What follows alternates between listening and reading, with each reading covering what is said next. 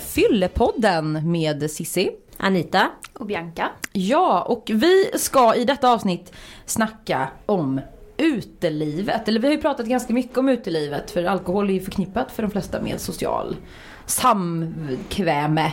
Kan man säga så? Samkväm. Samkväm. Det var, ett, Samkväm. det var ett modernt ord. Ehm, men min, min eh, spaning är att Sverige har blivit, även småstäderna i Sverige har blivit mer Stureplanifierade om man får säga så.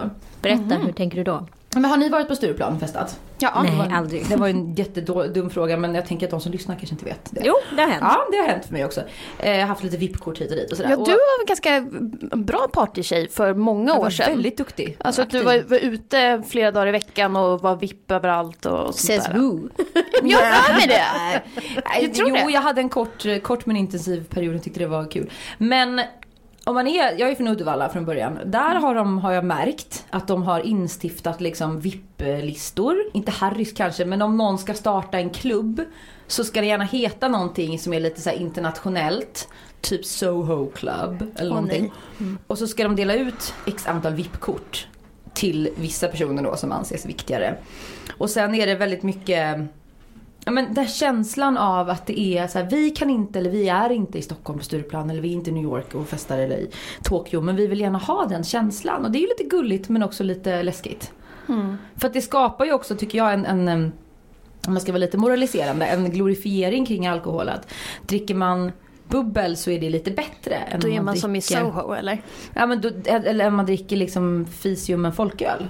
Ja, men jag skulle vilja veta hela det här eh, VIP-tänket, det är ju väldigt speciellt. Mm. Jag gjorde ju, jag gjorde ju, var ju jättegenerande på alla sätt och vis när jag eh, precis hade flyttat till Stockholm och fått liksom mer smak för det här storstadsutelivet. Då åkte jag liksom hem till Örebro med mina gamla Örebro-kompisar och åkte taxi och så är det typ 300 meter överallt i Örebro. Och Vi beställde- taxi till Stadt, det är jättelångt. och beställde också in champagne, för det hade jag ju lärt mig då att man skulle göra i Stockholm. Eh, och eh, de hade väl någon dammig gammal flaska där inne. Det var väl aldrig någon någonsin som hade beställt en champagne på krogen i Örebro. Och det var mest bara, jag kommer ihåg att det blev, det blev en sån fattig upplevelse av det här. Det var så- Ja, skulle men skulle du väldigt- åka dit, det här är ju, vad är det, 10-15? Ja, det är nog, nej, det är nog 15 år sedan. Ja, åker du dit nu, Ja, då lovar jag dig att det i Örebro är the continental shit. Alltså där finns det, där kan man beställa in en flaska Dompa, de fattar direkt och det är någon entrévärd och någon sån här pointer som det heter som står och pekar ut att du får komma in men du får inte komma in för du är inte cool. Liksom. Ja men det är intressant hela den här VIP-rörelsen och hur funkar det att vara nattklubbsvärdinna och sådär och vad, hur tänker du, man? Du var inne på det innan vi satte igång här tror jag. Att betyder det att man får gratis alkohol om man är vipp och sådär? Ja, är det, vad, Det blir väldigt ambiens då. det ska generera helt enkelt? Ja men det är det väl. När jag var VIP ja. så var det ju verkligen så här, framförallt om man är tjej, Ja. så sticks det ju någonting i handen på en ofta direkt när man kommer in. Kanske inte stark sprit, eller sprit, men någon, någon flaska eller någon, något glas bubbel eller någon cider eller något där. Ja, för de tjänar typ på att du är där. För då Ja men de tjänar på att smörja folk. upp lite. Om jag får någonting i handen direkt när jag kommer hit istället för att behöva stå i en lång kö till baren och sådär. Mm. Då kommer jag igång tycker de då snabbare och så vill jag köpa mer och så vill jag ringa mina kompisar och kom hit det är skitkul här. Och så. Och vi har en expert som vet exakt vad det här Ja, handlar för mig om. var det hundra år sedan. Nu är jag helt avskärmad från det där typ. Så vi ska ta in henne.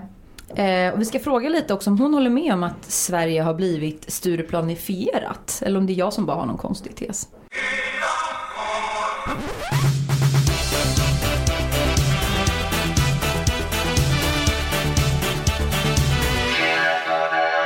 Välkommen hit Dasha Grinne. Tack. Hur känns det att vara här? Eh, det känns roligt. Det känns roligt att prata om eh, fylla och alkohol och sånt. Det känns inte lite så här jobbigt eftersom det har ju varit ditt, eh, har varit ditt liv. Alltså fest, festandet och Stureplanslivet. Nej, varför ska det vara jobbigt? Tvärtom, det är ju skitkul. Ja okej, jag tänkte att du är såhär, nej men nu är jag äldre och vill bli förknippad med börsen eller något. Nej. Eh, nej, Aktiehandel och... är, men är det hemskt att vara äldre och gilla alkohol fortfarande? Nej, jag tycker inte det. Men jag tänker att många som har levt eller lever det här Stureplanslivet, som jag har pratat med i alla fall, eh, får lite ångest. Nu kollar jag inte på dig Anita för att du är äldre. Jag kollar på alla här. Du bara tittar på mig som att, vad menar du nu?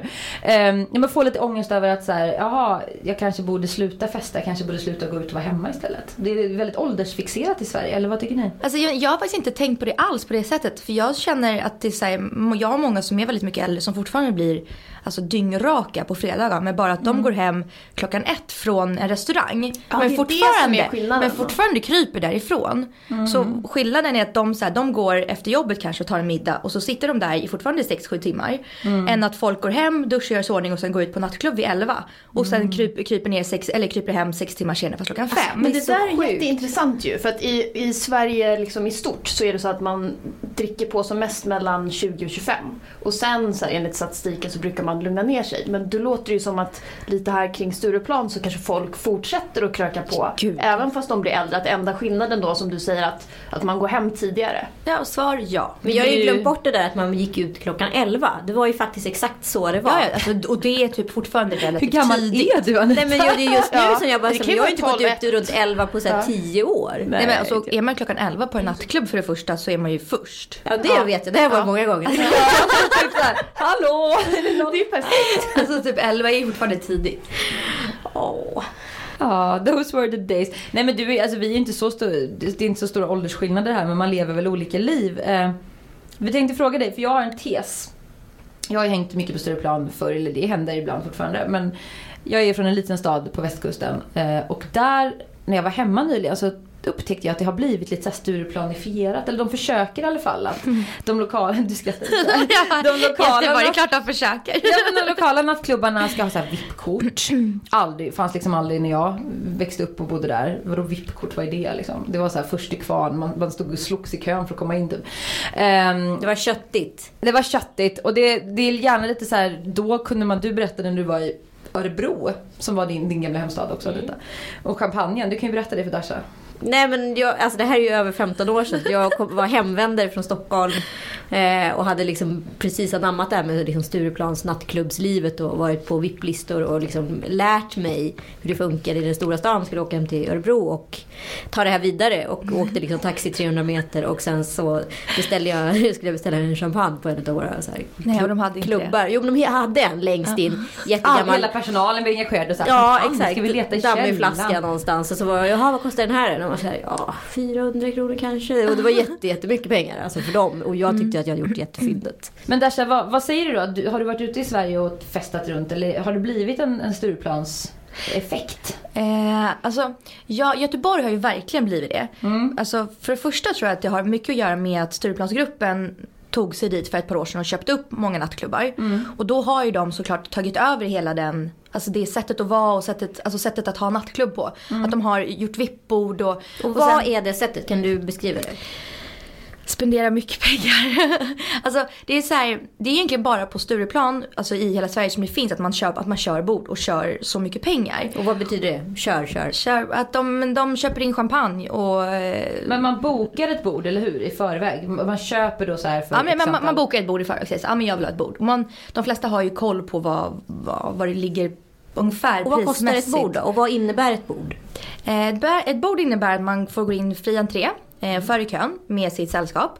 Eh, och sen så kostar bord olika. Alltså vissa nattklubbar, säger vi de som har lite yngre eh, målgrupp, de är ju såklart mycket billigare. Där kan jag tänka mig att bord kanske ligger på mm, 7, 5, 7 tusen. Oj, det är jättemycket pengar. Ja, Men då är man ett gäng som ligger ihop kanske? precis. precis. Och så är man kanske 10 killar så lägger man 5, eller 500 spänn var. Mm. Och då har man ju ändå fri entré som egentligen är typ 150 kronor. Och sen så har man ju, blir det ju x antal drinkar var. Och så får man ju självklart massa eh, tjejer. Mm. Och det är ju faktiskt alltså en, stor, en stor del till, speciellt de yngre. Till varför de kör bord. För de tycker att det är det är ju klart det är skitroligt när det kommer massa tjejer som bara tycker att du är världens härligaste kille. Och hur mycket sprit innefattar ett bord då? En så? champagneflaska kostar eh, 1000 kronor.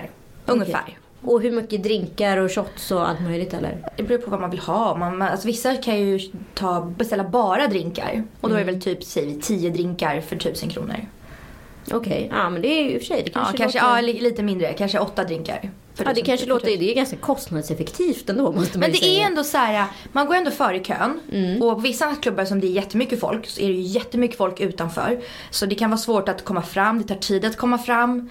Så ja, Man optimerar sin tid på nattklubben helt enkelt Ja, med ett bord. och framstår som lite roligare. Och man får ett bord, så här, man kan ju ofta stå på sofforna och man syns mer. Och, så här, Ja, det är en liten peacock-grej Ja. där också. Definitivt, definitivt. Det är ju intressant ändå att alkohol blir då en, en statussymbol indirekt. Men, Men, men vad okej, kostar men, det på de här, de här dyrare? Ja, gud. Alltså allt ställena. från 20 till 30. oj. Ja. Ja. Men hur många får man vara på ett bord då? Brukar väl vara ungefär 10 som betalar. Alltså det vill säga 10 killar. Eh, Alltid och sen- killarna som betalar alltså? Ja, alltså det är klart tjejer har bord och sånt också. Men det är mer om någon har en födelsedag eller någon har eh, möhippa eller så. Det är inte ofta ett tjejgäng drar ihop och går ut och lägger tusen kronor Vi på måste ett göra det känner jag.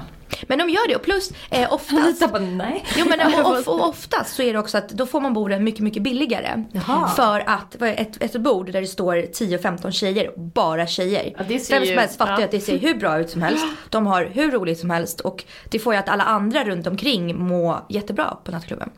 Så det är Ja, ju... Såklart. Så det är lite att de blir- könsdiskriminerande faktiskt så kan man ju tycka om man är kille och ja, pengamässigt. Om man vill uttrycka det på det sättet och tänka på det sättet så Ja, det är säkert någon som tänker så. Ja. Eh, Jag skulle inte tycka, jag vet, inte- jag vet inte, tycker det, nej. Nej, du tänker inte så.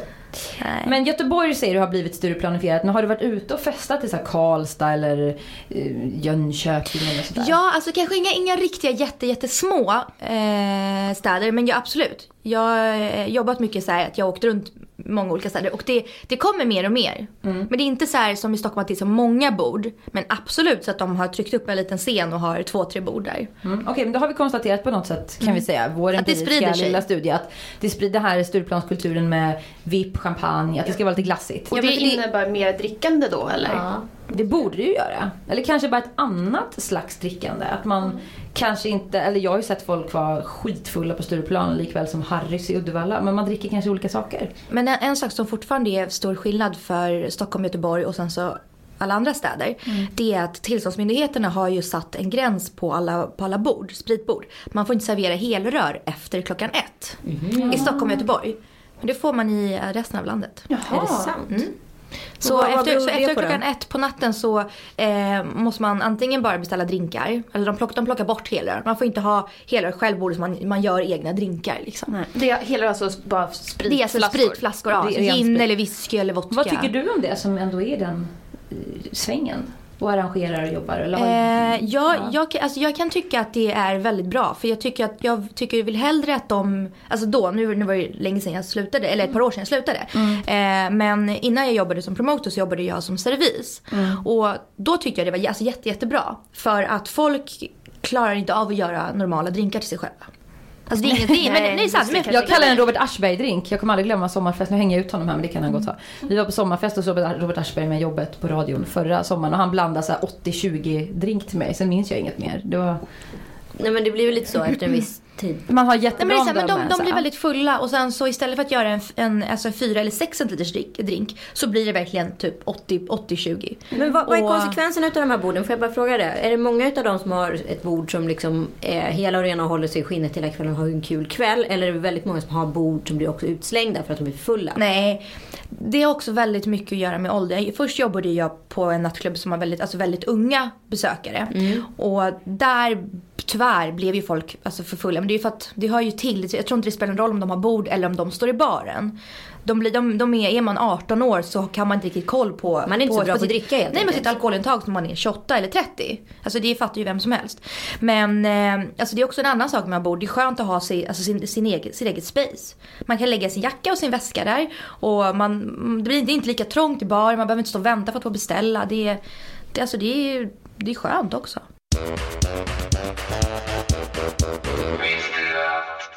Alkoholmottagningen vid Stureplan på Riddargatan 1 blev en succé.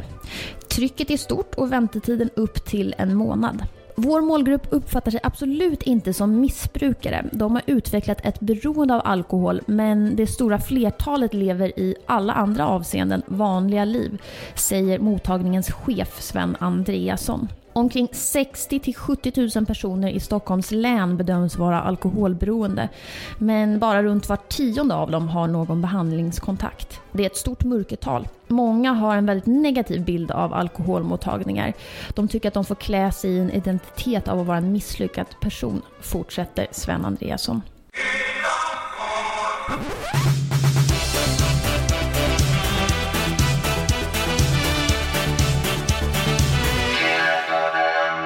Men vad, vad, är, vad är det tråkiga med hela liksom barkulturen, det negativa? Vad är det, som, vad är det som är problemen om man nu ska prata om problem? Det är inte bara det härliga. Ja, det är väl såklart de som blir för fulla. Och vad, Alltså- vad händer då? Är det, är De det ofta slagsmål? Eller blir... men, för jag, alltså jag tycker Som de som värdinna, är det tafsigt, som eller? ja, Alltså det, är, det är tjatigt, de är tjatiga. Jag tycker de frågar samma saker hela tiden. Och sen Vilket så är? skriker de. Nej men så här, alltså det kan vara vad som helst. Alltså vad som helst. Har vi fått den här flaskan? Har vi fått den här flaskan? Och jag bara, ja den står ju här. Det har varit flera gånger när jag har gått ut med en flaska. Och sen så har de beställt, så har en annan kille beställt en till. Och så säger jag så ja men här är en nota. Han bara, jag har inte beställt den. Jag bara, jo. Han bara, men det var den här flaskan jag beställde. Jag bara, fast den låg ju redan här då. Så det har blivit så här ja, dubbelt. okej, alltså okej. att det är så här, folk, folk blir ju korkade. Men om man är i den här världen, hur många dagar i veckan var du eller är du fortfarande i nattklubbssvängen? Alltså nu, jag, jag slutade jobba nattklubb för nästan tre år sedan. Så att nu är det ju... Jag tror också det beror så på vad man är i livet själv. Alltså i sommar och i våras överhuvudtaget har jag varit ute jätte, jättelite. Nattklubb. Men jag har fortfarande varit ute så här, typ AV och sen restaurang och sen så går man hem vid ett. Men man är fortfarande inte nykter då. Drickandet har helt enkelt bara Ja, men jag tror- ändrats. ja, sig men hur är det när man jobbar då? Eh, Hur funkar man själv som eh, värdinna? Kan man Mm, ta, sig en, ta sig en rackare längs vägen? Rackare, det beror på vad man har för sorts jobb alltså inom nattklubben, eh, natt, äh, nattlivet. Jag jobbade ju först som servis. Då fick man ju absolut inte dricka. Nej. För de har ju ett, alltså ett, ett ansvar. Eh, så då absolut inte. Men sen jobbade jag som promoter. Och, då får vad är promoter för någon som inte vet? Promoter Är det, är det en värdinna som står i dörren och säger så här, du får komma in, du får inte komma in? Ja, men ja, det är ju pointer. Men ja, någonting åt det hållet. Man, man, alltså, kort sagt så hjälper man nattklubbschefen att fylla nattklubben med människor. Det vill säga genom så, olika events, dra folk, kanske låter någon ha en födelsedagsdrink i ett av rummen. Men blir det att man dricker mer när man jobbar i svängen liksom? För att det är Eh, oftare eller mer per kväll menar du? både och. Eh, mer per kväll än nej. Alltså inte jag för att jag kände ändå så här att jag drack absolut när jag jobbade men sen om jag gick vidare till en annan nattklubb då kunde jag alltså så här kröka på det. Men alltså jag tror på Du vill riktigt. hålla lite stilen på ditt eget ställe så. Ja men ja och framförallt så hade man ju så ansvar. Man hade saker man var tvungen att göra och fixa och så här. Man kan ju inte vara alltså, hur full som helst då. Men vad tror du Men oftare eller? Eh, och oftare Ja. jättefull än inte. Nej. Nej, alltså det blir att man dricker oftare om man Ja, ja, jobbar med Jämfört, ja. Med, jämfört med nu, drack ja, ja, oftare ja, då? ja, ja, ja, ja, gud ja, gud ja, gud ja. Och man gick ju alltid på after work. Det gjorde man. Vilket är så här after work klockan Fyra på 04 morgonen. på morgonen. Ja. Ja. Men ja, ja, det gjorde man ju alltså absolut vi 9,5 gånger av 10. Oj, blev du inte trött då av det? Jag jobbade ju bara fredag, lördag. Ja. Så att de andra dagarna, då hade man ju liksom ett par timmars jobb om dagarna. Men det var ändå... Att, Men pallar man verkligen så mycket mer? Jag tänker att mig själv i den situationen, jag skulle ju vara helt knäckt. Alltså om jag skulle alltså man, är, man är ju trött. Man är ju trött. Men när man, också när man är yngre så känns det som att man, man pallar mer. Man återhämtar sig. Eller det gör man ju Ja. inte rent fysiologiskt egentligen när man är väldigt ung. Men man kanske, ja men många beskriver att bakfyllan blir lättare eller blir svårare med åldern och sådär. Alltså vi hade en tes om att, alltså, vi var ju alltså, ett stort gäng som umgicks mycket då när vi jobbade nattklubb. För att så här, ju, fler, alltså, ju fler dagars uppehåll man hade från alkoholen, ju värre blev baksmällan. Än om man var ute, eller om man var ute och drack onsdag, torsdag, fredag, lördag, söndag. Åh, herregud. Då var det så här måndag, tisdag, så det var typ inte så jobbigt. Men Man typ fortfarande onsdagen, berusad. ja men typ. Man blir, man, blir liksom inte, man blir liksom inte dålig, man blir bakfull fast på ett så här flamsigt sätt. Det fortfarande är liksom lite så roligt. Och Men det är så typ att man fortfarande lite. nästan är full. Ja, Ja. ja. Men- men kan du- dygnet runt i sju, sju dagar i veckan. Kan du känna att du har varit med, om du rannsakar dig själv så här efterhand, varit med och glorifierat den här, det är ganska, alltså inte att du var destruktiv, men att dricka så många dagar i veckan är inte så himla, enligt statistik och sådär, Folkhälsoinstitutet och IQ som vi jobbar med, så är det ju inte sunt. Liksom. Känner du att du, kan, du har varit med och bidragit till den glorifieringen? Jag känner väl både ja och nej. Det är, väl, det är väl klart man, för jag bloggar ju också och det är klart man alltså, glorifierar det på det sättet där att det är så här, här är trevligt med en liten drink och här är en after work med ett par shots och, för att jag kan ju heller inte skriva i min blogg att det här suger ju. Fast, fast det gjorde det inte heller. Jag kan Nej. inte säga att det sög för jag tycker det var skitkul. Men det är ett jättesvårt dilemma där, för jag sitter också Ja. där när man bloggar att man så här, ska jag skriva att jag tar den här glas vin nu och berättar hur härligt det är eller ska jag säga strunta i det? För att liksom inte göra det helt enkelt. Så jag kunde känna att jag kunde få mer, eh, alltså så här, folk som såg, såg ner på en i bloggen mer under den tiden om jag skrev så här, nu är jag hemma och tar ett glas rött själv. Alltså så här, och typ kollar på film. Att, för att då var jag ju mycket yngre också. Att då är det, det är mer konstigt att göra, sitta och dricka två glas vin själv hemma. Än att gå ut med sina kompisar och dansa och festa och, och på det sättet. Och då kanske man dricker mer också såklart. Ja, ja, ja nej, men det gör man ju. Men, jag, alltså, men nu idag så är det ju inte det för att nu är man ju äldre. Så att jag tror det har lite mer... Åldersrelaterat. Mm. Inom nöjeslivet finns det en stor grupp människor som dricker riskfyllt säger läkaren Sven Andreasson. Problemen med alkoholberoende är vanligast i åldersgruppen 20-25 men eh, ungdomar är en väldigt liten andel av de som kommer till hans mottagning. Att ha kontakt med vården och träffa folk i vita rockar finns inte på kartan för dem. Men eh, de flesta kommer ur beroendet i takt med att de skaffar barn och familj, fortsätter han. Snittåldern på besökarna på Sven Andreassons alkoholmottagning är 40 till 45 år. Och när man kommer till mottagningen så får man genomgå en läkarundersökning, svara på frågor för att kartlägga alkoholkonsumtionen. Sen diskuterar man tillsammans med personalen vad som är vettigt att göra. Allt från ingenting till behandling med antingen läkemedel eller ett par månaders psykologsamtal, eller både och. Sven Andreasson anser att alkoholberoende bör normaliseras som ett hälsoproblem och hanteras av primärvården. Det berör ett för stort antal människor för att skötas av specialmottagningar. Sjukvårdslandstingsrådet Birgitta Rydberg menar att den vanliga vården, husläkarmottagningar och företagshälsovård inte är tillräckligt bra på att fråga och ge råd om på ett icke-moraliserande sätt. Det här är en grupp som är svår att nå och på Stureplansmottagningen har vi nått många fler än vi vågade hoppas på, säger hon.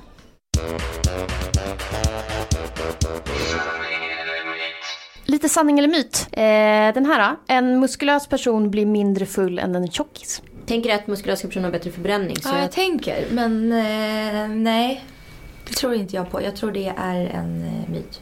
Jag tror på det. Jag tror också att det är en myt. Nej men alltså jag tror att en muskulös person blir mindre bakis. Rätt Anita. Eh, det är någonting med det här att muskelvävnaden är vattenrik och det stoppar upp alkoholen från att gå upp i hjärnan. Desto mer fett man har, desto... Leder sprit. Ja. Så därför är kvinnor känsligare för alkohol än män till exempel, för vi har mer underhudsfett. Ja, vi har ju högre, vi ska ju ha också högre fettprocent än, än män. Eh, Okej, den här då. 1895 skrevs 2% i öl ut som näringstillskott för barn och gravida. Jag tror faktiskt det är sant. Det Ja, så sjukt. sant. Jag tycker det känns för sjukt att bara hitta på. Så att jag tror också det. Mm, sant. Sen har vi... Fram till 1916 var whisky och brandy listade som godkända mediciner i USA. Ja, Det Ja. tror jag också på. Ja. Ja, sant.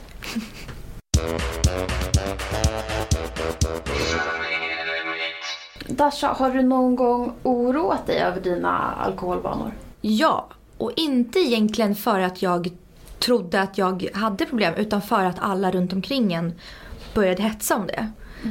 Hur Så gick det till då? Nej men det var, det var när man jobbade i nattklubbsvängen och, och då var det så för då jobbade man fredag, lördag och då jobbade man, alltså inom citationstecken jobbade men fortfarande drack alkohol.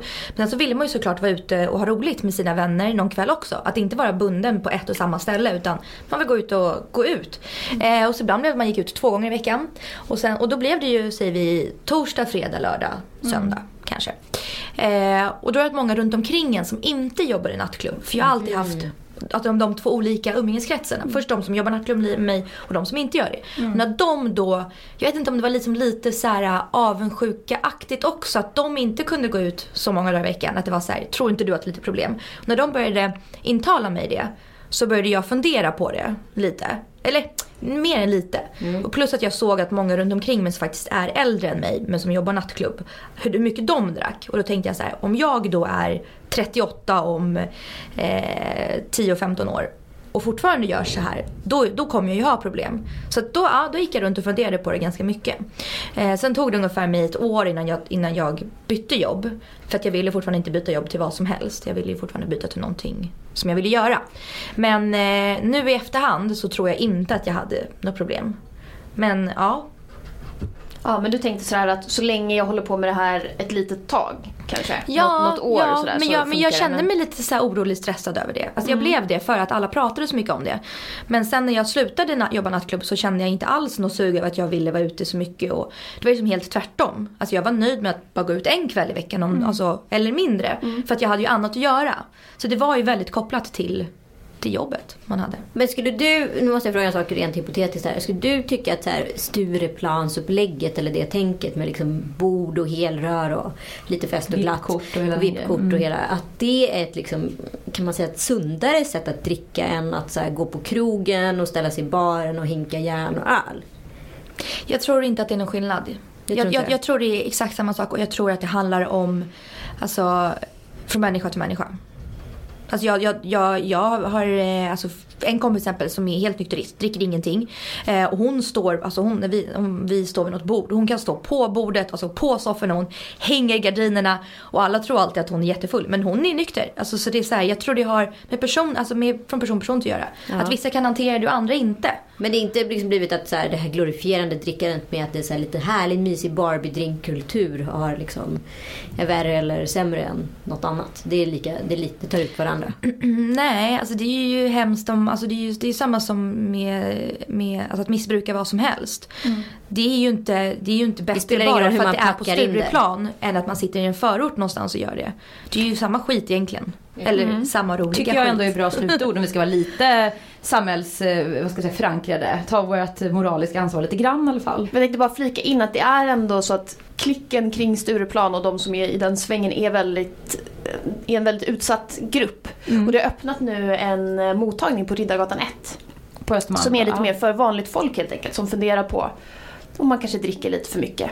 Och han Sven Andreasson som driver den Mm. eh, kliniken säger att det är väldigt, ja men sådana som vi som går ut lite mycket sådär. Att vi är ofta i, i förnekelsestadiet. Att den, den gruppen liksom ser aldrig på sig själva som att man skulle ha alkoholproblem och därför är den här gruppen liksom svår att nå. Mm.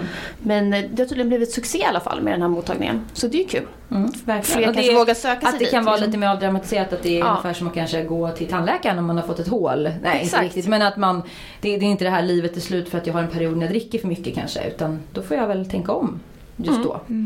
Eh, tack snälla Dasha för att du kom hit. Tack snälla för att jag fick komma. Man får kolla in din blogg också, eller hur? Ja, dasha.devote.se. Ja. Och eh, tack till IQ som vi gör den här podden. Men gå in på iq.se och läs mer om alkohol och testa det själv också i alkoholprofilen.